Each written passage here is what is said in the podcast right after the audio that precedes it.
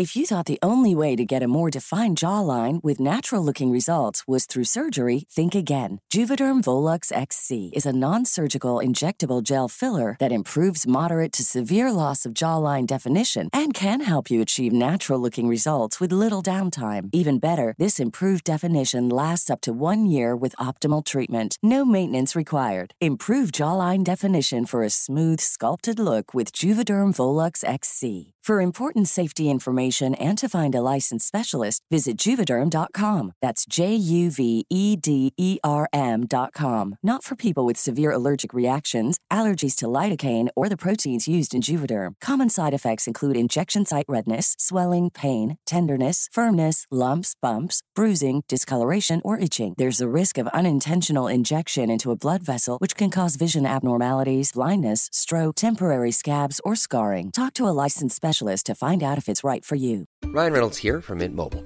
With the price of just about everything going up during inflation, we thought we'd bring our prices down. So to help us, we brought in a reverse auctioneer, which is apparently a thing.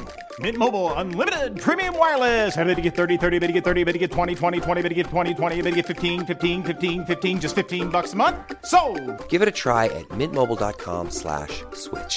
$45 upfront for three months plus taxes and fees. Promo rate for new customers for limited time. Unlimited more than 40 gigabytes per month. Slows. Full terms at mintmobile.com.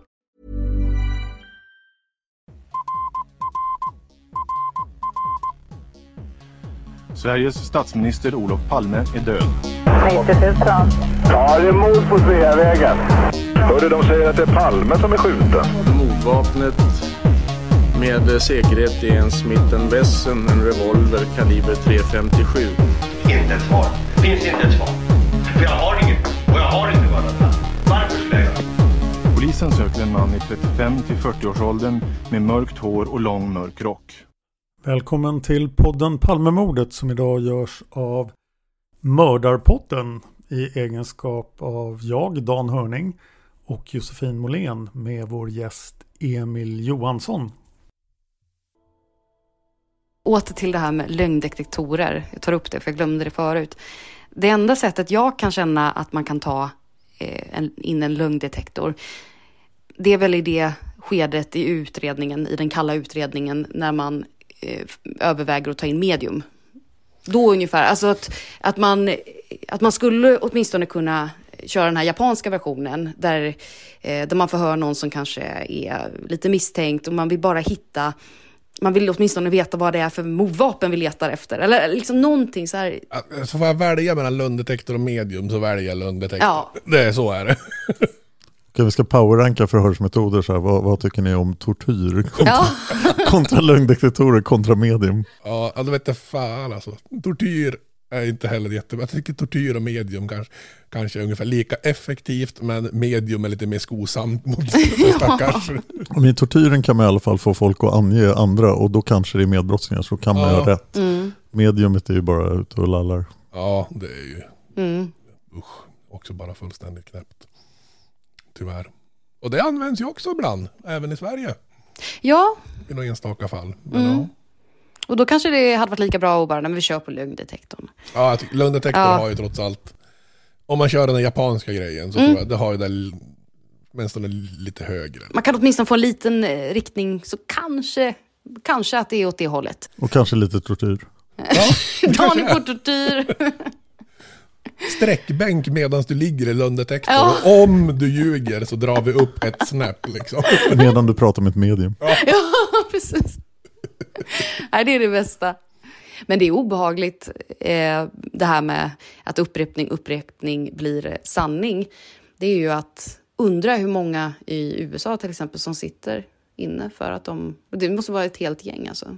För att de har erkänt. förhörsmetoden de använder där också, då de liksom Ja. i många fall har så här 12 timmars långa förhör, då de bara fullständigt trakasserar den som sitter där mer eller mindre. Så att, det, ja, jag tror det finns nog ganska många som faktiskt tror att de är skyldiga fast de egentligen inte är det. Liksom. Men det, minnen, är, minnen är ett märkligt fenomen som för oss. Men det är som sagt, vi är så tvärsäkra på det vi minns. Och sen så är det faktiskt så att Och det, det, det låter helt sjukt, men ingenting av det, ingen av våra minnen är helt korrekt. Allting är justerat mer eller mindre. Och den stora haken är att vi kan inte veta om det är lite eller jättemycket justerat. Det är fullständigt omöjligt för oss att liksom veta det om vi inte har, som du sa, ser ett foto då, då och bara jaha, okej. För det jävliga är ju också om någon annan kommer och säger som var med och säger att nej, jag kommer ihåg det så här. Så är det ju samma sak för dem.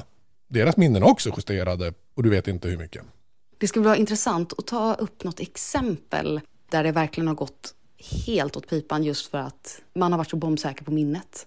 Det finns ju till exempel, det är ett fall då det är en person som, eh, det är en drive-by shooting. Eh, Det kommer en bil och åker förbi och skjuter ihjäl en annan person som står liksom på trottoaren. Och det står ett vittne och ser in i bilen. Eh, Och pekar ut eh, i en line-up sen då eh, att det var den här personen. Och kom, den, den kommer fullständigt tvär ihåg att det var den här personen. Och det finns ett annat fall som vi kan ta upp också. För den här personen säger att, den säger att den var oskyldig, den utpekade säger att, den, att han är oskyldig. Då. Och det finns i princip hundraprocentiga bevis på att den här personen var inte ens på platsen till att börja med. Men sen har man också gjort en undersökning då man faktiskt har gjort en rekonstruktion av det här. Och det går inte att se in i bilen. Det är fullständigt omöjligt att se in i bilen. Vinkeln är helt fel. Liksom står du där den här personen säger att den stod och tittade så kan du liksom inte se in genom rutan på bilen. Det är omöjligt. Det var mörkt. Så att det var, det, det är så här, det, hur? Du kan inte ha sett in. Men vittnet är så här, men jag såg. Jag vet att jag såg. Det är, när det är så mycket stress också man känner så slår hjärnan på den här skyddsmekaniken som gör minnet ännu mer konstigt. Ja, Jag berättade ju i, eh, ja men det var väl något avsnitt eh, i början av podden, där vi pratade om våra läskigaste händelser. Den Ja. händelsen där du har varit i Afrika, där med machete. Och så sen berättade jag om den här mannen med gevär som eh, jag stötte på när jag var ute på promenad. Och han, han siktade väl inte på mig, men han hade ju ändå, ja, han såg väldigt hotfull ut och eh, höll i geväret och gick ut i bilen och, och hälsade inte på mig utan snarare stod och tittade på mig med geväret i händerna. Jag upplevde det väldigt eh, obehagligt. Och det här var på ett ställe där min farmor bor. Så jag åker inte dit så ofta, men så var jag där i somras. Och så tänkte jag så här, nu, nu ska jag gå dit igen och se om det är så som jag minns det. Så jag tänkte på minnet igen, hur det var. Och så gick jag till platsen och det såg så annorlunda ut. Alltså det var så annorlunda. Jag bara, men vadå? Är det, är det en... Var det hus här? Men varför var jag så rädd då? Jag trodde att jag var mitt ute i ingenstans och jag trodde det var jättelångt eh, att gå. Men turen för mig när jag var så rädd, för han stod ju verkligen bakom mig och i princip... Ja, som sagt, han siktade inte på mig, det kan jag inte minnas att han gjorde, men han eh, höll i geväret och väldigt hotfull. Men för mig blev den turen som jag gick eller halvsprang, den var så lång. Mm. Så att minnet var så förvrängt. Men det var ändå skönt att bara vara där och inse att det var inte så farligt. Nej men det är så, det, och det där gör vi liksom hela tiden. Det finns ju ett annat fall också med en kvinna som blir utsatt för en våldtäkt. Och den här våldtäkten pågår alldeles för länge och hon bara inser att jag kommer inte komma, liksom, jag kommer inte komma loss. Så hon bestämmer sig för att memorera utseendet på mannen som begår våldtäkten. Då. Så hon, hon ligger och bara stirrar på hans ansikte och så här, okej, han har den ögonfärgen, han har sådana ögonbryn och liksom memorerar hela ansiktet. Liksom. Eh, och sen då lite senare så pekar hon ut honom i en line-up. Eh, och pekar ut den här killen. Och han blånekar. Och det finns ingen teknisk bevisning överhuvudtaget. Noll. Som pekar ut honom. Eh, eh, och DNA, det finns DNA men det är så lite så att det går inte att testa det. Eh, men den här killen blir dömd för det här fallet då. Eh, och sen går det mm, x antal år, en drös med år. Eh, och då är det några som begär att det här DNA ska testas om. För att DNA-utvecklingen har liksom utvecklats. Och då blir det ju en match på DNA från sperma då helt enkelt. Till en dömd våldtäktsman som sitter inlåst. En helt annan. Jaha. Eh, och han erkänner direkt. När han liksom blir tillfrågad. Att ja, ja. Liksom, han erkände. Han sitter ändå dömd så det spelar ingen roll. Var de likar? Inte ett dugg. Eh, de, de riktar inte varandra överhuvudtaget. Eh, och det finns intervjuer med henne så här. Och det finns, jag har till och med sett ett videoklipp när de träffas. Eh, och hon är så här, jag vet att det inte är du. Jag vet att det inte är du. Det kan inte ha varit du, det är fullständigt omöjligt. Men när jag tänker tillbaka på den här våldtäkten så är det fortfarande dig jag ser. Nej. Och vad rörd jag blev av det där. Ja, och eh, han är ju bara så här. Det, det var inte jag, nej jag vet liksom. Jag vet. Ja. Så.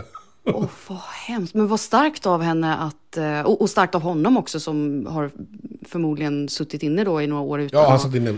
Starkt av dem att länge. återförenas och att de förstår varandra. Ja, och, ja, och han är så här, jag förstår att du liksom, Ja. du trodde att det var jag. Det, det, jag fattar att du inte har ljugit, utan du, uppenbart så minns ju du att det var jag. Men det var inte det. Men det ställer ju frågan hur bra är det att ens göra lineups? Ja, det kan man ju undra. Är det också en hokus pokus metod? då? Ja, det är ju en väldigt tveksam metod i alla fall. Det känns ju som att den borde ha rätt oftare än en lögndetektor. Är inte det så att Lisbeth Palme är väl fortfarande fullständigt övertygad om att det, eller var fullständigt övertygad om att det var Christer Pettersson och pekade ut honom och hon ändrar väl aldrig. Nej, det, det är sant. Och det, det är ju inte vad jag tror. Nej, det förefaller ju ganska troligt att hon aldrig såg mördarens ansikte. Nej, exakt. Men jag tror ändå att hon, och det är ju det här, jag tror absolut inte hon ljuger. Jag tror hon minns Ja. att det var honom. Ja. Hon är förmodligen lika säker på det som jag är på liksom färgen på min katt hemma. Jag har ett annat exempel där jag och kompis just var med om en traumatisk händelse och vi har helt olika minnesbilder. Jaha. Vi är på en festival och vi har med oss två kompisar som är ganska stora och starka.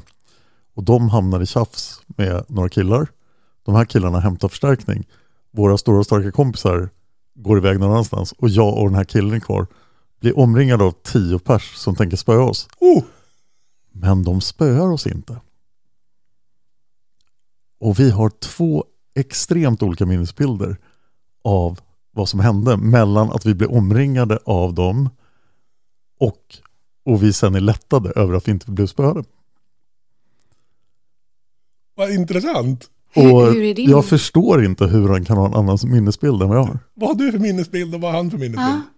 Jag kommer inte ihåg hans minnesbild. Ah, okej. Och jag tror inte jag vill redogöra för min minnesbild är i den här podden. Men de, de är verkligen totalt olika. Och det han säger har jag inget som helst minne av. Och det jag säger har han inget som helst minne av. Det där är ju väldigt intressant. Vi vet ju bara att de två sakerna hände. Ja, det, där, det är ju helt fascinerande. Ja, och det var ändå en intensiv upplevelse som man... Man Som man- tänker ju att man kommer ihåg intensiva upplevelser mer. Ja. För de har man anledning att komma ihåg. Och det finns viss forskning som tyder på att traumatiska upplevelser minns man faktiskt bättre än icke-traumatiska upplevelser. Men det är fortfarande så att man inte minns dem. Att det, det kan fortfarande vara väldigt ändrat och väldigt justerat. Men det finns en tendens att minnas det bättre. Eh, Och det är för att man under själva tillståndet av sån total rädsla och så, så verkar det som att man tar in mer information. Och det är det som förklarar, tydligen finns det teorier och viss forskning som stöder, som förklarar att en del kan uppleva att tiden saktar ner när någonting fruktansvärt händer. Det är, tiden saktar ju inte ner, utan det är bara att du tar in mer information så att hjärnan tolkar det som att tiden saktar ner. För den är inte van att ta in så mycket information så det blir liksom, wow, nu måste tiden gå sakta. Eh, vilket också kanske är coolt. Men, men kan det vara så då också att man tar att bli så stressad har en tendens att eh, man blir klarare, att man får en starkare minnesbild av det som faktiskt händer. Men också att när det väl blir fel så blir det jäkligt fel. Kan det vara så? Så kan det mycket väl vara. Ja. Jag måste bara fråga där om den här, det här fallet som jag helt snöade in på nu med han som var lik han i den här våldtäkten. Han hamnade på line-upen, men varför? För det måste ju varit någon orsak till det. Eller hade hon liksom, jag har sett han någonstans, kan det ju vara. Jag tror att han, han, han hamnade väl på något vis i den här utredningen och blev liksom Ja. inploggad. Jag kommer inte ihåg hur han hamnade i utredningen. För det fanns inte heller någon tekniskt bevis som kopplade han till fallet. Han, nu kommer inte jag ihåg exakt vad det var han sa att han hade gjort, men han, antingen hade han stått och sågat eller hållit på med någon murbruk eller något. Han hade Ja. varit och byggt någonting. Och han, det fanns, det hade han på sig liksom. Det, han hade själv eh, man kunde stödja att han hade varit på den platsen där han sa att han hade varit. Mm. På teknisk bevisning på den platsen och på honom och på ögonvittnen som sa att han var på den här platsen. Liksom. Så att det fanns teknisk bevisning och vittnen som sa att han inte var där. Att, han var någon annanstans. Eh, men på något vis så hamnade han i den här utredningen. Jag minns inte riktigt hur han hamnade i den. Liksom. Om det var att han bara var, han stämde på beskrivningen Ja. som hon gav helt enkelt. Så kan det ju vara. Så kan det ju För han vara. var inte någon brottsling heller. Han, var liksom, han hade ingen brottslig bakgrund eller någonting. Så det var också väldigt random att han skulle begå. För det här alltså, det är en fruktansvärd våldtäkt. Det, är inte, det pågår inte en tio minuter. Liksom, utan Nej. det är väldigt utdraget brutal våldtäkt. Och det är så här, varför skulle den här random människan... Känns det händer ju också, men det känns också lite så här... Mm. Bara Svensson går och gör någonting sånt helt plötsligt. Mm. va? Så det... Ja, men som sagt, han var, ja, han var fullständigt oskyldig. Liksom. Jag kom på en tanke till som jag har hört ofta om ögonvittnen. Att just ögonvittnen som kan binda upp sina observationer ur någonting. Det vill säga om du känner igen en person till exempel så blir det förstås mycket starkare. Ja, och det finns mycket, det finns också intressant forskning som visar att, att och det här är ju spännande, det är att om du tar två grupper människor som får- bevittna liksom en händelse och sen så får ena gruppen skriva ner vad de såg och den andra gruppen får bara komma ihåg. Och om man sen pratar med dem efteråt så tenderar de som har skrivit ner tenderar att ha kan ha skrivit ner fel grejer och är därmed mer säker på där de minns. Eh, så om de har liksom skrivit ner fel saker så är de ändå mer säkra på att de har liksom, ja men det var en grön jacka. Medan någon som inte har skrivit ner, men jag tror det var en grön jacka. Ja, kan det vara en blå? Ja, det kan det ha varit. Men har du skrivit ner att det var en grön, då är du fan säker på att det var en grön, det spelar ingen roll. Men hjälpte det att skriva ner det? Nej, ja, lite, nej, det hjälpte inte liksom. Det blev inte jättemycket bättre. Ja, För det trodde man ju ändå att... Ja, man tror ju det. Så att ögonvittnen är också väldigt, väldigt dåligt. Och det har mycket att göra med också att vi tar, jag vet inte, jag kommer inte ihåg vad det är, men om, om hjärnan kan ta in det, det sju plus minus två saker per sekund eller någonting. Så vi kan inte, jag menar, vi kan inte ta in så jättemycket information på en gång. Eh, Men, och sen fyller vi liksom i resten. Så det finns en idealiserad bild av minnet att den kan lagra hur mycket som helst och Ja. vill bara komma åt det. Ja, och det, så är det ju liksom inte. Ja, för jag har hört att vi hela tiden, varje dag, eh, ser i syne, eller tappat ordet, men mm, psykotisk. Alltså, alltså att vi...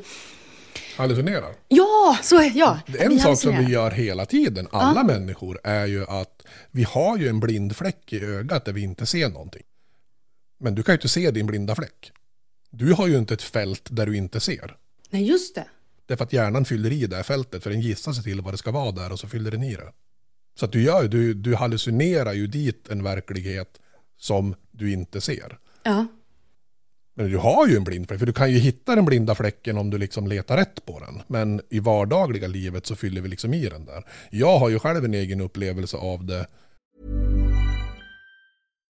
If you're looking for plump lips that last, you need to know about Juvederm lip fillers. With Juvederm Volbella XC and Juvederm Ultra XC, your lip look, whether it's subtle or bold, can last up to one full year with optimal treatment and no additional maintenance. Find a licensed specialist and see if it's right for you at juvederm.com today. That's J U V E D E R M.com. Add fullness to lips in adults over 21 with Juvederm Volbella XC or Juvederm Ultra XC. Do not use if you have severe allergies or a history of severe allergic reactions, or if you're allergic to lidocaine or the proteins used in Juvederm. Tell your doctor if you have a history of scarring or taking medicines that decrease the body's immune response or that can prolong bleeding. Common side effects include injection site redness, swelling, pain, tenderness, firmness, lumps, bumps, bruising, discoloration, or itching. As with all fillers, there's a rare risk of unintentional injection into a blood vessel, which can cause vision abnormalities, blindness, stroke, temporary scabs, or scarring. For full important safety information, visit juvederm.com. Ryan Reynolds here from Mint Mobile. With the price of just about everything going up during inflation, we thought we'd bring our prices down. So to help us, we brought in a reverse auctioneer, which is apparently a thing. Mint Mobile unlimited premium wireless. Have to get 30, 30, bit to get 30, bit to get 20, 20, 20, bit to get 20, 20, bit to get 15, 15, 15, 15 just 15 bucks a month. So, Give it a try at mintmobile.com slash switch. $45 upfront for three months plus taxes and fees. Promo rate for new customers for limited time. Unlimited more than 40 gigabytes per month. Slows. Full terms at mintmobile.com. Eh, några dagar efter att jag hade varit här Ja. och spelat in podden så fick jag en blodpropp i ögat. Eh, och, så att jag har alltså förlorat eh, typ 50% av synen på höger öga. Eh, men eh, det tog en vecka ungefär. Och sen märker jag inte det. Jaha. Vad konstigt. Så att Eh, i, i början, då, då lade jag märke till det hela tiden. Att eh, på den här sidan, på höger sida i synfältet, så var det liksom grå fläckar hela tiden. Eh, men efter en vecka så, nu lägger inte jag märke till det. Om jag tänker på det, om jag bestämmer mig för att liksom jag ska lägga märke till det, då ser jag dem. Men om jag inte gör det, då, då är det precis som att jag har men du kan fortfarande läsa en text och så. Ja, det kan Ja. Men det, det, blir lite, det kan vara lite konstigt ibland just när jag ska läsa och sådär har jag märkt. Men håller jag för, däremot håller jag för vänster öga och titt, liksom bara använder höger öga, då är det grått halva synfältet neråt. Så att hjärnan har bara så här, nej okej, och sen har den anpassat sig till det här liksom. Så det är väldigt fascinerande. Hur är det med det här med att ögonvittnen eh, kommer ihåg saker efterhand? Man, generell uppfattning är att ögonvittnesmål från precis när det hände är mycket bättre än ögonvittnesmål från, säg en slumpens tid tre år senare. Är det den kreativa processen som hjärnan vill fylla i? Mm, där har du ju ett problem att eh, det kan ju säkert vara att man kommer ihåg vissa saker. Men sen har du ju också det här att ju mer du tänker på någonting desto mer förändrar du det och så fyller du i saker och lägger till grejer. Och sen är det ju frågan också, har de, har de läst i tidningen om händelsen till exempel? Då ställer ju det till det. Det finns ett jätteintressant experiment som jag har sett också då man ehm, det utspelar sig i en föreläsningssal typ. Eh, Det sitter en grupp studenter och sen så kommer en person inspringande och snor en dator från läraren och på skrivbordet och springer ut. Eh, och sen så får folk vittna om vad de har sett liksom. Vad hade den här personen för färg på jackan? Vad hade den för färg på byxor? Såg ni någon hudfärg? Och så här. Och det är ju, de ögonvittnena, det är ju liksom det är typ, det är alla byxfärger du kan tänka dig, alla jackfärger du kan tänka dig, alla hudfärger du kan tänka dig och alla kön du kan tänka dig. Och alltså det är ju så här, det är så spridda skurar så det är helt vansinnigt bland de här studenterna. Men sen är det alltså en person som är en plant som är med på experimentet. Som väldigt övertygande börjar prata om att nej men det här var, nu kommer inte jag ihåg, nu bara hittar jag på, det här var en vit man i grön täckjacka med svarta byxor och vita skor. Det är jag helt säker på. Jag kan inte fatta att ni andra är så jävla blind så ni inte har sett bla bla bla. Sakta men säkert, så blir det som, ju fler gånger de liksom frågar de här vittnena så blir ju bilden den här vittnets bild. Vilket är helt fel, såklart. Det är ju inte alls i närheten av vad det egentligen var från början. Eh, Så det är ju det där också att du, vi, blir väldigt influerade av vad vi hör folk säga om händelsen och vad vi läser om den och så vidare och så vidare. Liksom.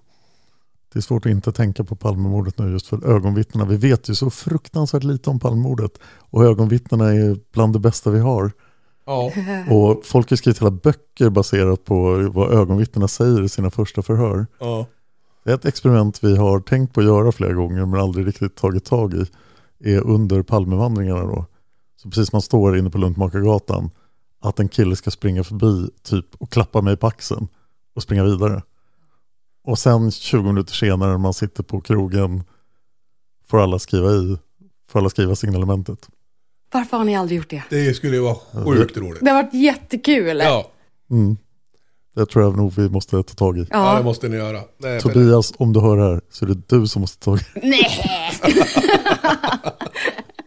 Nej, för det, ögonvittnen är på sätt och vis, det är det sämsta formen av bevis på ett sätt är ögonvittnen. Och det sätts extremt högt. Ja, men jag såg honom mörda, då är det så här, ja, men då var det ju du. Ja, om du går tillbaka lite i tiden till de här gamla fallen vi har tagit upp, det enda de har är ju Ja, ögonvittnen och erkännanden. ja, Så att både erkännanden och ögonvittnen leder ju till äh, dödsstraff. ja. Så det, det är ju så här, det är nog ganska många som har blivit avrättad på helt felaktiga saker liksom. det är jätte, jättedåligt. Vi har ju börjat göra häxprocesserna i Massmördarpodden och vi ska göra fler avsnitt om det och det är ju en sån enorm... De tillsätter ju till och med en statlig utredning för att de tycker det är så konstigt. Vänta, så här, är det här verkligen en massa magikunniga kvinnor som har förbund med djävulen? Det här måste ju utredas. Det här verkar ju inte stämma. Och under tiden bara dör det massor av folk.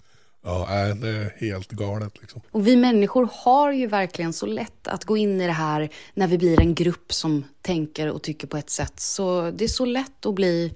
Att det blir här, ja men sekter är ju samma sak. Vi dras in i det och vi minns tillsammans och tänker tillsammans. Och vi får en sanning tillsammans. Ja, och det finns ju, just med minnet också där, så finns det ju sådana här kollektiva minnen. Tydligen så hade ju vi ett halvkollektiv med Ja, Anthony Pettis. Anthony Pettis icke-knockout där då. då. Ja. Vilket är otroligt frustrerande nu för jag måste hem och titta på det. Ja, den riktiga twisten vore om det var en knockout. Och jag minns fel vad som hände i helgen. Men sen har vi andra kollektiva som kallas the Mandela-effekt. Ja. Oj, ja. Där finns det ju också sådana kollektiva minnen som alltså massor med människor kommer ihåg som aldrig har inträffat. Oj! Som till exempel, det finns ett specifikt svenskt med Clint Eastwood. Ja. Eh, nu, kommer, nu kommer jag säkert säga fel här, men det är någonting i stil med, han blir intervjuad av Stina Dabrowski. Och hon ställer någon fråga, någon typ så här, är du verkligen, det är någonting med, är du verkligen så cool som du, liksom, det, det är, hon frågar någonting. Och det han gör, det är att han har i innerfickan, eller i bröstfickan på skjortan, har ett paket cigaretter. Och då knäpper han till i botten på asken och upp hoppar en cigarett rätt upp i mungipan på han. Ja. Klick, och så tänder han den. Och det här är det jättemånga som minns att de har sett. Det har aldrig hänt. Det har aldrig inträffat. Och det är hur många människor som helst som är så här, jag såg det där hända. Nej, det gjorde du inte, för det har inte hänt. Är det någon av er som uh, gillar Star Wars? Ja. Ja, oh ja. Ja, vad är det för färg på C-3POs ben? Ja, Ja, då har hört den. ja jag vet. Nej, den här, det här har jag inte hört. Ja, roboten C-3PO. Vet, vet vem jag menar? Är det guld... eh, Ja, och eh, det kollektiva minnet är ju då att han har två guldben. Men det ena benet är silver. Ja. Och det är en Mandela-effekt. att Folk bara, "Nå, det har ändrats för att verkligheten har ändrats. Men det har ju alltid varit ett ben i silver. Ja. Men de har aldrig liksom förklarat varför. Vad säger Darth Vader till Luke Skywalker? Hans mest kända. I'm your Your father. father? Han säger väl, det vanliga det är Luke, I am your father, är vad folk tror att han säger. Han säger no, I am your father, tyvärr. Ah, Jaha. Vi mindes rätt i alla fall. Sen att vi, vi Ja, mindes men inte hela. Nej, men det är, han, han säger, you killed my father, no I am your father. ja, Annan svensk Mandela-effekt-grej var ju Pippi Långstrumps strumpor, hur de ser ut. Jag kommer inte ihåg det ska jag minnas. Jag var ett stort Jag kommer inte ihåg vad Pippi rätta svaret är, men att folk kommer ihåg Eller fel på det. fan. okej. Ja, det, det kommer inte jag ihåg heller, det kan jag inte. Gul med gröna prickar och sen en grön. Vi ser om Mandela-effekten har tagit Josefin eller inte. Ja. Vad sa jag nu? Gul med gröna prickar och sen en grön. Sen de slutsatser man dragit om Mandela-effekter har ju varit intressant. De bara, nej, det är flera verkligheter som håller på att glida ihop. Och, Ja, Oj, det är så här. vad jobbigt. Det, och det, och det, jag ser ju det här lite grann då som att eh, det är en bekvämare förklaring än att vi minns så fruktansvärt fel. För det blir skitjobbigt. Kanske ska förklara själva namnet Mandela-effekten också. Ja, Mandela-effekten kommer ju från att folk minns att Nelson Mandela dog i fängelse och eh, de minns att ha sett hans begravning. Mm. Medan han inte dog i fängelset utan kom ut och... Levde ganska länge Ja. i frihet. så att det är ju också så här, folk minns det också helt fel. Men det är ju inte konstigt att vi har dåligt minne av Pippi Långstrumps strumpor. Det är ju olika på varenda bild. Nej, Ja, Men menar vi från den tecknade då? För det har jag ingen aning om. då kanske vi måste lämna Mandela-effekten. Ja, vad jobbigt det blev. Hon har en gul strumpa som har lite svarta ränder på sig och sen har hon en svart strumpa. Jag hade helt fel. Man ser, det drabbar även de bästa. Alexis som var med i tidiga seriemördarpodden och snitt gjorde Bathory och Bell Gunnes. Hon har en YouTube-kanal där hon diskuterar Mandela-effekten. Ah, Alexis Starforce tror jag om jag kommer ihåg rätt. Ja, tillbaka till, eh, till manus har vi inte tittat på så mycket. Men du har faktiskt ett manus här. Har vi missat någonting? Jag har lite, så här, lite idéer bara vad man skulle prata om. Men jag har täckt väldigt mycket av det här Men någonting vi inte har täckt, det är ju grundaren. Ja, du kan ju prata lite grann om liksom hur Lunddetektorn kom till, Ja. uppfinnaren och sådär. Det börjar egentligen, årtalen nu, det är så här 1890 så var det liksom den första killen som skapade någon form av maskin som skulle upptäcka sanning. Då, då. Innan det så hade man liksom Slagrutor. Ja, typ. Eller så hade man maskiner för att få folk att prata sanning som typ sträckbänkar och så Ja. liknande. Men han tänkte att det, vi ska få folk här, nu ska vi liksom se, se när folk ljuger eller inte. Eh, och han hette, nu är han italienare och jag är inte jättebra på att uttala namn, men Cesare Lombroso. Cesare Lombroso eller något sånt. Cesare Lombros. Ja, vi, precis. vi bara höftar i den här podden vad gäller uttal. Så det... Ja, ja men det är det värsta på. som finns. Eh, men han var italienare, en italiensk läkare. Och han hade en idé om att, eh, att man skulle kunna se på den fysiska reaktionen på folk när de ljög. Då. Så han uppfann någon form av apparat och man på något vis stack in handen i kallvatten på något sätt. Eh, och sen då där kunde man på något vis mäta, för han hade en idé om att, eller hypotes om att blodtrycket sjönk när man ljuger. Och det kunde man nog mäta i den här apparaten, vilket är lite intressant. För att nu har man ju mer kommit fram till att det borde vara så att blodtrycket går upp. Ja. Så att han var ju inne på någon form av idé som var lite rätt men åt fel håll. Det hade ju varit bra för folk med högt blodtryck. De kunde bara ljuga jättemycket. Ja. Så skulle de må bättre. Ja, precis. Så det, men det var hans liksom tanke som han höll på med. Och, och sen så kom nästa italienare. Och det, han, det är olika vart man läser och vad man kollar. Så här. Men en del Kjelle säger typ 1904 och jag säger 1914. Så det är lite oklart det där. Eh, jag lutar åt att det troligen var 1904 är rimligare. Eh, av anledningar som kommer sen. Men han eh, hette någonting i stil med Vittoro Benussi då. då.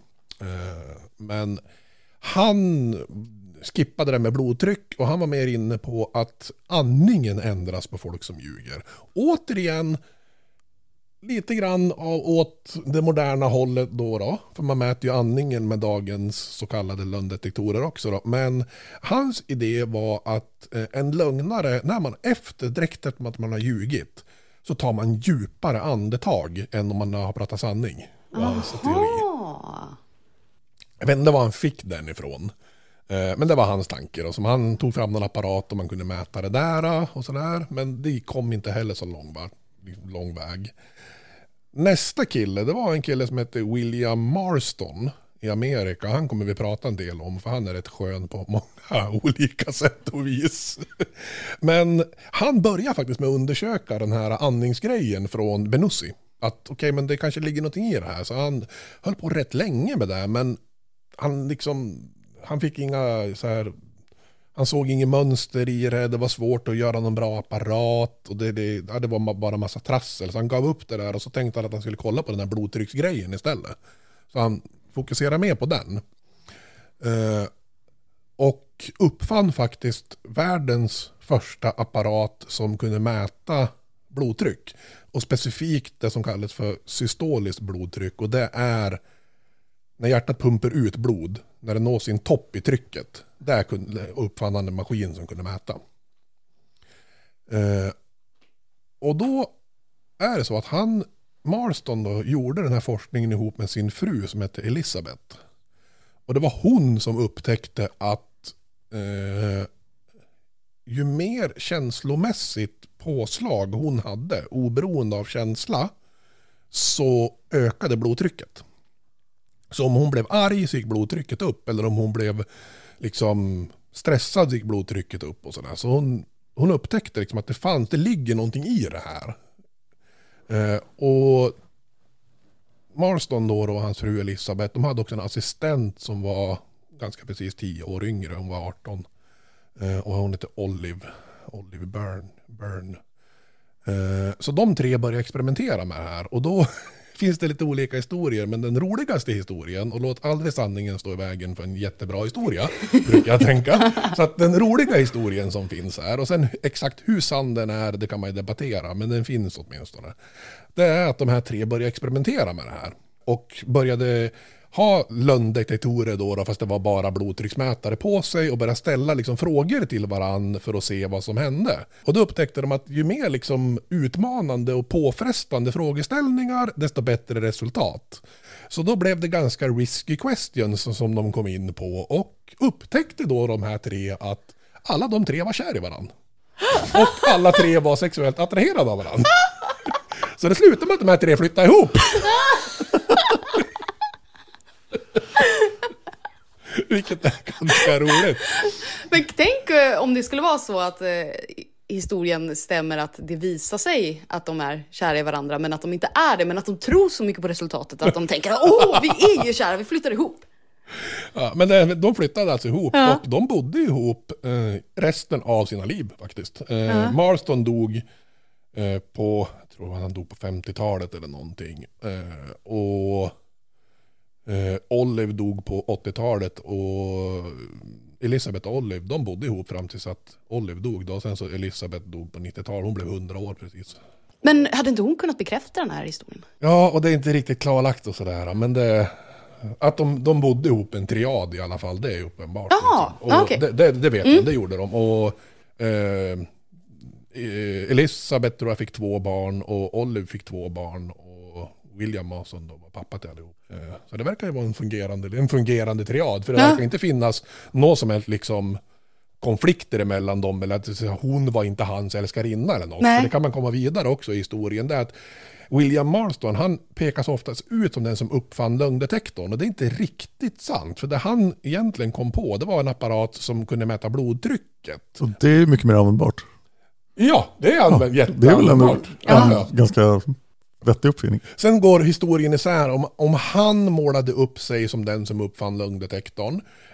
Säger en del. Och en del säger att nej det gjorde han inte. Han hävdade bara att han uppfann en apparat som kunde mäta blodtrycket. Och att det kunde användas också till att se lögner. Men själva lögndetektorn egentligen, den kommer lite senare.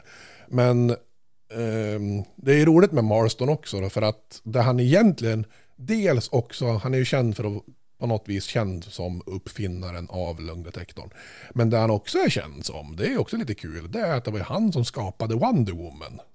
Ja, det är han. Ja! Oj, ja. ja det visste jag. Då kände jag till hela historien förutom lögndetektor. Ja, det är lite kul. Så det är han som skapade alltså Wonder Woman-seriefiguren är det William Marston som har skapat. Och då blir det ju väldigt kul då, därför att utseendemässigt så sägs det att Wonder Woman är ganska lik om man skulle slå ihop Elisabeth och Olive till en person. Vilket är rätt kul. Ja, det, det make ju sense då. Ja, och Wonder Woman har två saker som hon är kända för. Ja. Den ena det är att hon har de här armbanden, eller man ska inte kalla det för armband, det är ju liksom mer som armpansar som hon kan stoppa kulor med och grejer. Fin- Det är ju till och med med i filmen Wonder Woman, den där nya, eller ny och ny, men den som kom. Att hon liksom parerar kulor med sina armbandsgrejer. Och Olive då, då, hon hade två stycken kopparfärgade armband som var rätt bred. Som var hennes vigselringar. För hon, de hade gjort liksom ett låtsasbröllop då hon gifte sig med William och Elisabeth. Och istället för bröllopsringar så hade hon ganska breda koppararmband. Och det är alltså de koppararmbanden som Wonder Woman har. Nej. Var det inte Wonder Woman som vi konstaterade i eh, fallet Donna Winger? Eh, och då sa vi ju det här om Debra Winger som var släkting till Mark. Hon Ja, hade ju varit var med med, i Wonder Woman på 70-talet, Woman ja. på sju- 76 till Ja. 77 någon gång. Var det Ja. 77, 78 någonting. Vad vad kul att den... Ja, det var lustigt. Ja, det var ju ett sammanträffande. Ja, eh, Det andra är lassot säkert. Ja, och det andra kännetecknet som med Wonder Woman det är att hon har ett lasso. Ja. När hon kastar ett lasso runt eh, brottslingar så kan de bara prata sanning. Och det är ju alltså uppenbar ja. koppling till den grejen. ja, det borde han ju ha upptäckt, ett lasso. Som sanningslasso. Ja. Det hade ju varit Sen finns det också, det finns ganska många som hävdar att den här triaden var ganska intresserad av bondage. Aha. Och om man tittar på de tidiga Wonder Woman-serierna Ja. så finns det alltid någon sekvens i precis varenda serie då Wonder Woman av någon konstig anledning blir uppbunden av sitt eget lasso. Till den så milda grad att det blev lite moralpanik kring just det i Amerika. det, det är lite roligt. Så att, ja. Ja, var, det är en skön historia. Men sen gick det vidare och sen har vi nästa kille och han heter John Larsson, vilket är lite roligt. Han var amerikan, han hette väl Larsson då, då. men hans föräldrar var svensk faktiskt. Eh, han var polis och psykolog. Och det egentligen var det han, man skulle, det är egentligen så här han som uppfann lögndetektorn. För han tog flera saker och parade liksom ihop. Han tog andningen, han tog blodtrycksgrejen, han tog puls. Eh, och förenade det liksom i en apparat. Och det är väl närmast, det är väl det som är liksom grunden egentligen till inte kanske inte grunden, men det är liksom den första lögndetektorn skulle man kunna säga. För det var en apparat som var specifikt framtagen för att upptäcka lögner. Liksom. Okej. Okay. Och han hade svenska rötter? Ja, hans föräldrar var svensk. Och oh. drog till Amerika. Ja. Så det, det, det visste på... jag inte att, han, att det var en svensk, eh, ja nu är han ju inte svenskfödd, men eh, att, att vi är så nära uppfinnarna. Ja, det är lite kul Det är lite faktiskt. roligt. Det var på 1920-talet och det första fallet, det är lite roligt, det första fallet då man liksom någon dömdes på, för att de torskade på lögndetektortesten. Och det var en kille som hette William Hightower som blev dömd för mord på en präst. Och då formulerades det som att han, han döms som skyldig tack vare opartisk vetenskap. Men när man egentligen tittar på det där fallet så är det så här, mm, jag vet inte om det var lögndetektorn. Därför att alltså, den här prästen försvann och den här eh, killen då, då, Hightower, han gick till polisen och sa att jag vet vart kroppen är någonstans. Och de bara, jaha. Så han visade dem exakt vart kroppen var, den var nedgrävd, mm. exakt. Så han gick till rätt plats och de började gräva och då var det en av poliserna när de grävde som kom på att oj, vi kanske måste vara försiktiga för att vi, eh, vi vill liksom inte, och vi kanske råkar skada kroppen. Och då hade Hightower sagt att ja, ja, men det är bara huvudet som är skadat. Så bara ni inte liksom, ni gräver hu liksom, skadar huvudet så är det lugnt. Och huvudet är där. Och så hade han pekat. så det var så här, han var rätt skyldig ändå? Ja, kan det vara det han blev dömd på? Lögndetektorn kanske inte hade jättemycket Nej. med saken att göra. men han erkände alltså ja, helt och det är lite så här märkligt då. Ja. Men sen då så var det nästa kille i det hela som liksom slutförde det som är lögndetektorn idag och sen så har man börjat justera det. Det var en kille som heter Leonard Keeler, också en amerikan då. Det han la till det var den här galvanic skin response, där att man svettas och mäter ah. ström, ström, att hur väl huden leder ström. Det la han till på ja, 1935. Och det är, där har du liksom den färdiga lögndetektorn. Var inte det han som var med i Kingsbury Run? Om du har hört om avsnittet? Jajamän, det, tänkte, det tänkte jag faktiskt ta upp. Han ja, var med.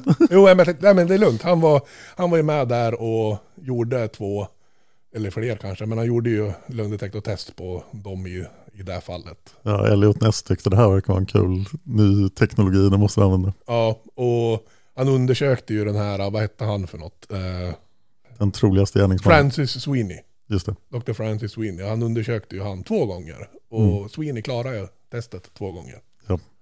Eh, men det är väl ganska många som tror att det är han som är mördaren. Han var ju den bästa misstänkte de hade i alla fall. Ja, han var den bästa misstänkte. Men han klarade lögndetektortestet. Så att då fick han gå liksom. Vilket avsnitt var det? Det var Kingsbury Run. Det var de sista avsnitten jag gjorde i Seriemördarpodden innan jag fick en ordentlig ljudtekniker. När vi fortfarande ah körde lågbudget seriemördarpodden. Så jag tror det är avsnitt, ja det är runt 113, det är tre avsnitt. Och jag har, det var ett fall som jag tyckte otroligt bra om så att jag, jag är lite ledsen idag att det hände precis innan Dava kom in och liksom avsnitten fick väsentligt högre teknisk kvalitet. Ja. ja men sen så har lögdetektorn, den har inte utvecklats jättemycket liksom sen dess egentligen. Det där är grunden, det är som de sakerna man mäter liksom. Så det är hokus pokus från 30-talet? Ja, det är hokus pokus från 30-talet liksom. Och det som man fortfarande trots tonvis med bevis att det fortfarande bara är hokus pokus. Men man måste ju ha försökt utveckla den otroligt mycket. Ja, det man har gjort är att man har försökt gå andra vägar. Så det finns en apparat, och nu får jag väl kanske vara försiktig med vad jag säger, för det är några svenskar som har blivit stämd upp över öronen redan i det här. Eh, det är någon kille som har tagit fram en apparat där man ska kunna veta om folk ljuger genom att analysera deras röst. Eh, och den här apparaten säljs och är svindyr då såklart. Men då är det två svenska forskare, eller åtminstone baserade i Sverige, två forskare baserade i Sverige. Jag är oklar över om bägge är svensk. Men de släppte en studie då de sa att det här är bullshit, som allt annat. Eh, de har blivit bestämda upp över öronen av det här företaget, så jag vet inte hur det har gått med det där. Men Ja. Var det det fallet där de, eh, där de hävdade de företaget att vi borde ha fått se, vi borde Ja. ha fått, Ja. eh, mm, Men det, Ja. Så man har ju försökt ta fram andra apparater. Det finns någon annan apparat också som tydligen kan läsa av hjärnan på något sätt. Och sådär. Men det... Jag tror ju personligen att man aldrig kommer kunna uppfinna en apparat som kan se... För att alltså, vi har inte ett lögnorgan som aktiveras när vi ljuger. Nej. Liksom. Om vi hade liksom ett... Ja, det här är lögnnjuren som blir Mm. aktiv när vi... Då skulle man kunna... Men alltså, vi har ju inget sånt. Så Nej. det är så här, vad är det man ska mäta här som absolut betyder att man ljuger? Liksom? Mm. Det, jag, tror, det tror jag aldrig kommer gå. Faktiskt. Det, det är därför man får gå på andra tekniker. För att se när folk ljuger. Än... Hederligt polisarbete. Ja, och det finns, det finns ju grejer som man kan titta på. Ja, det finns ju mycket, ja, andra, eller hur, rent så observationstekniker. Ja, kroppsspråk, språkmönster. Som är, och inget av det är ju liksom hundraprocentiga grejer. Men man kan åtminstone dra slutsatser att här är det någonting lurt och så kan man börja gräva mer. Pokervärlden har ju rätt mycket vinning av att lista ut om folk bluffar eller inte. Och där finns det ju folk som är väldigt, väldigt duktiga på det. Ja, det finns det. Väldigt mycket. Det är ju någonting som, också, som vi kan prata lite grann om faktiskt. Kör hårt. För det har vi ju. Det, är ju det, som, men det, det som hände mig här, det var att alltså, jag började med hypnos för typ 13 år sedan. Och jag har väl relativt nyligen accepterat det faktum att jag är en sån som när jag blir intresserad av något så lär jag mig allt man kan lära sig om det. Ja, På något sätt. vi Det känner igen blir- oss. blir Vi fullständigt- känner igen ja, oss. blir Sluta titta på mig. ja, jag, ja, jag blir besatt av grejer Ja. liksom. Och sen så läser jag allt som man kan komma över och tittar på allt man kan titta på. Liksom. Det, och så blev det här också med hypnos. Eh, och då gled jag in av en slump på en föreläsning, en TED-talk som finns, som man kan titta på, eh, som heter Lie Spotting. Eh, då en kvinna pratar om hur man kan se att folk ljuger genom att liksom titta på deras kroppsspråk och titta på deras språkmönster och sådana här grejer. Och jag var så här, ja ja det här är ju intressant. Men jag kollade igenom den här föreläsningen i alla fall. Och tyckte att, ah, coolt, det skulle ju vara kul att vara insatt i. Men, men. Eh, och sen några dagar senare så tittade jag på en dokumentär om ett mord. Eh, så här som man bara snubblar in på, liksom, på Ja. YouTube. Sådär. Kan ha hänt. Kan ha Kan ha hänt. hänt. Eh, och när de började den här, nu minns jag inte ens vad den heter för jag blev så exalterad av annat så jag har glömt bort det. När de började den här dokumentären då var fallet inte löst så att man visste inte vem mördaren var. Och de började med att intervjua, det var en tonårstjej som hade blivit mördad och de började med att intervjua hennes pappa. Och tio sekunder in i intervjun så är jag så här, han ljuger. Jag bara, vad i helvete? Och sen så kunde jag ju, alltså jag tittade ju om den där intervjun hundra gånger. Det var bara så här. Och bara letade liksom tecken på att han ljuger. Och sen var jag helt övertygad. Men det, är- han, det är han som är mördad. Och under dokumentärens gång. Så blir ju den här killen då, då misstänkt och arresterad. Och när dokumentären väl är klar. Då är han huvudmisstänkt. Men det är liksom inte klart. Men då kunde jag inte låta bli. Så då googlade jag ju såklart. Och det slutar med att han blir dömd för mordet. Eh, Och jag bara så här, holy shit, det här måste jag lära mig mer om. Så då blev det, då borrade jag ju ner mig i lögnträsket liksom. Lär, lärde mig så mycket som möjligt om det. Och, och vad är det man tittar efter då? Det finns ju massor med saker man kan titta efter. då. Och det, är, det som är viktigt att komma ihåg då, då det är att ingen av de här grejerna är ju ett bevis för att en person ljuger. Eh, och, men om man börjar se flera saker och ofta flera saker samtidigt, att liksom man flera grejer på en väldigt kort tid, då kan man ju börja, då, då finns det en hög misstanke om att det är någonting lurt som pågår.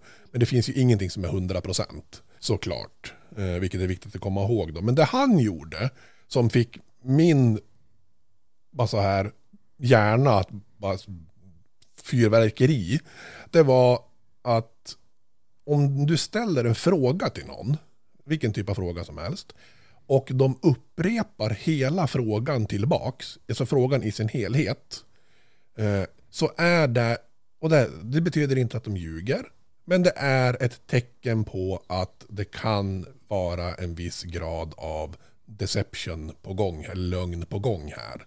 Så att om du frågar mig någonting, vad som helst. Eh, har du haft roligt idag? Idag? Ja, det har jag. Det där är det normala. Ja. Jag upprepar sista ordet. Det är ganska normalt att folk Ja. gör. Eller de två eller kanske till och med tre sista. Men säg samma sak igen, samma fråga. Har du haft roligt idag? Har jag haft roligt idag? Nej. Aha. Det är ett tecken på, för det personer ofta gör när de upprepar hela frågan, det är att köpa sig tid för att komma på ett svar. Är jag en bra poddare, Dan? Är du en bra poddare? Nej. Så det, är- och det, är så här, det är inte ett garanterat, Nej. men det är ett tecken. Och det var det första som hände i den här intervjun. Det var att reporten frågade någonting och han upprepar hela frågan och sen svarar han. Och jag bara holy crap!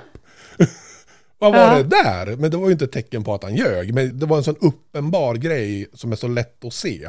Så att jag bara wow! Och sen så började jag titta på hela intervjun jättenoga flera gånger. Så det, det är ett litet tecken. En annan sak det är vad man kallar för distanserande språk. Och det här är något som Clinton gjorde. Han eh, med Monica Lewinsky så säger han I did not have sexual relations with that woman. Ja, just det. Miss Lewinsky. Och det är det här that woman. Alltså hon var praktikant och hade jobbat ihop eh, med Clinton ganska mycket. Och han kallade henne för that woman. Det betyder han placerade liksom henne jättelångt Ja. bort i relation till sig Ja. själv.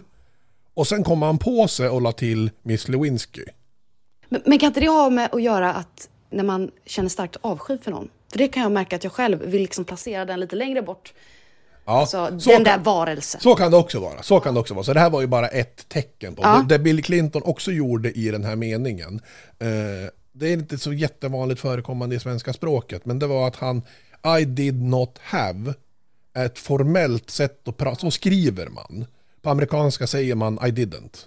Så det är också att man börjar prata mer formellt är också ett tecken på. Och han gjorde bägge grejerna i en mening. Han gjorde väldigt formellt pratgrej och han placerade henne långt bort. Så alla som, så här, lie spotters nu som bara håller på med de här, de, hade ju, de reagerade ju direkt och bara what? Vad sa Mm. han?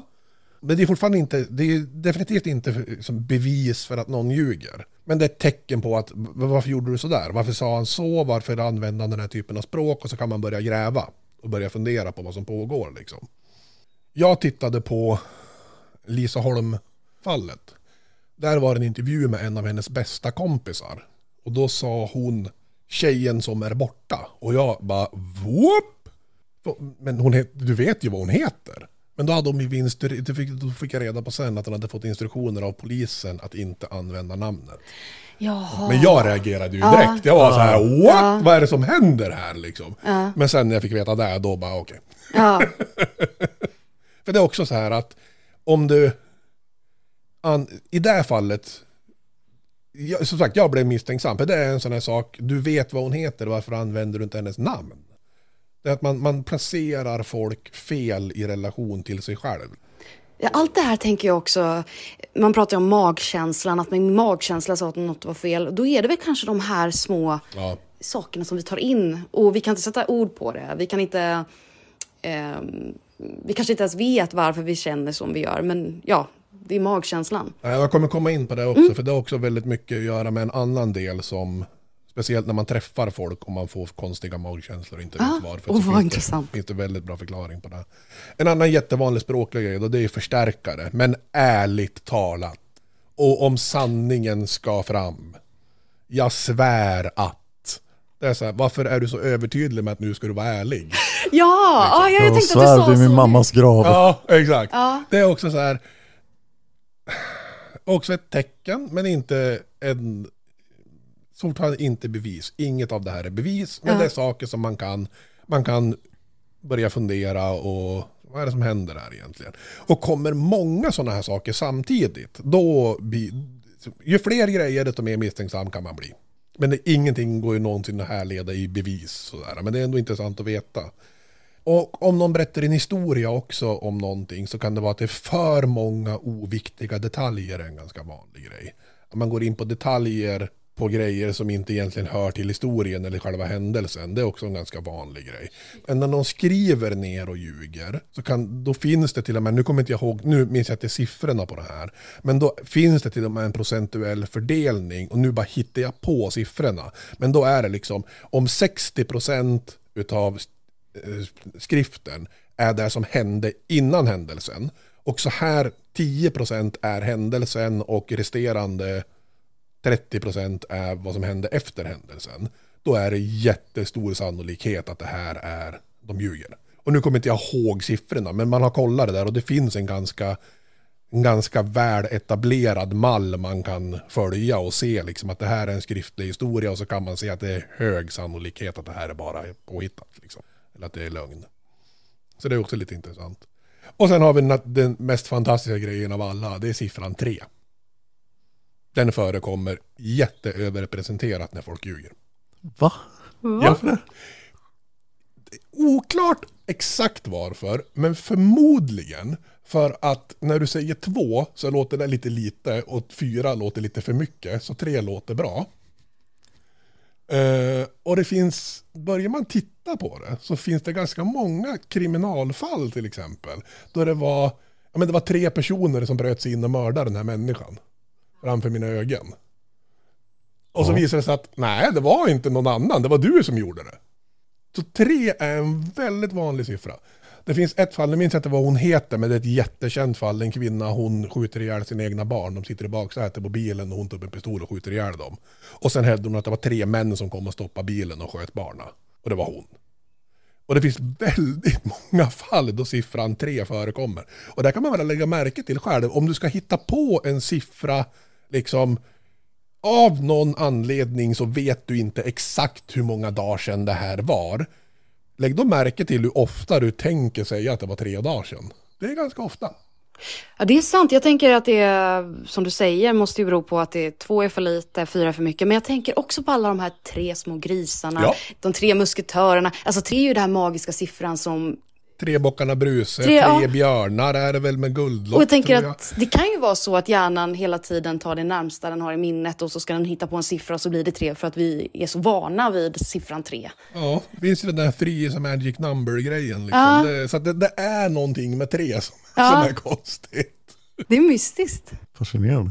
Ja, så det, jag har två eh, vänner som jag tror jag får berätta det här, jag tror det är okej. Ja, det är inte tre vänner så Nej, det är två vänner som skapade en, eh, de skulle släppa en tidning med information om hypnos. Så här. Och de skulle göra en tidning. Eh, och, men då tyckte de att nummer ett känns ju lite tråkigt. Så då släppte de ju nummer tre såklart. Jag höll ju på att dö när jag såg det. Du, du menar att de, de skulle släppa ett nummer av en tidning? Ja. Bara ett nummer. Bara ett Men de tyckte det var tråkigt att ha liksom nummer ett, ser ju så jävla tråkigt ut. Så då släppte de in nummer tre då. då. Jag höll på att skratta ihjäl mig. Jag finns på Twitter och Instagram. Jag heter Dan Hörning, så är lätt att hitta. Följ mig gärna där. Du kan också mejla till Palmemordet och det gör du på simwaypodcast.gmail.com, simway med z. Den e-mailadressen gäller för alla mina poddar och det går till min producent Eva som skickar vidare mejlen dit de ska. Om du lyssnar på den här podden på ett Apple device så vill jag gärna ha en iTunes-recension.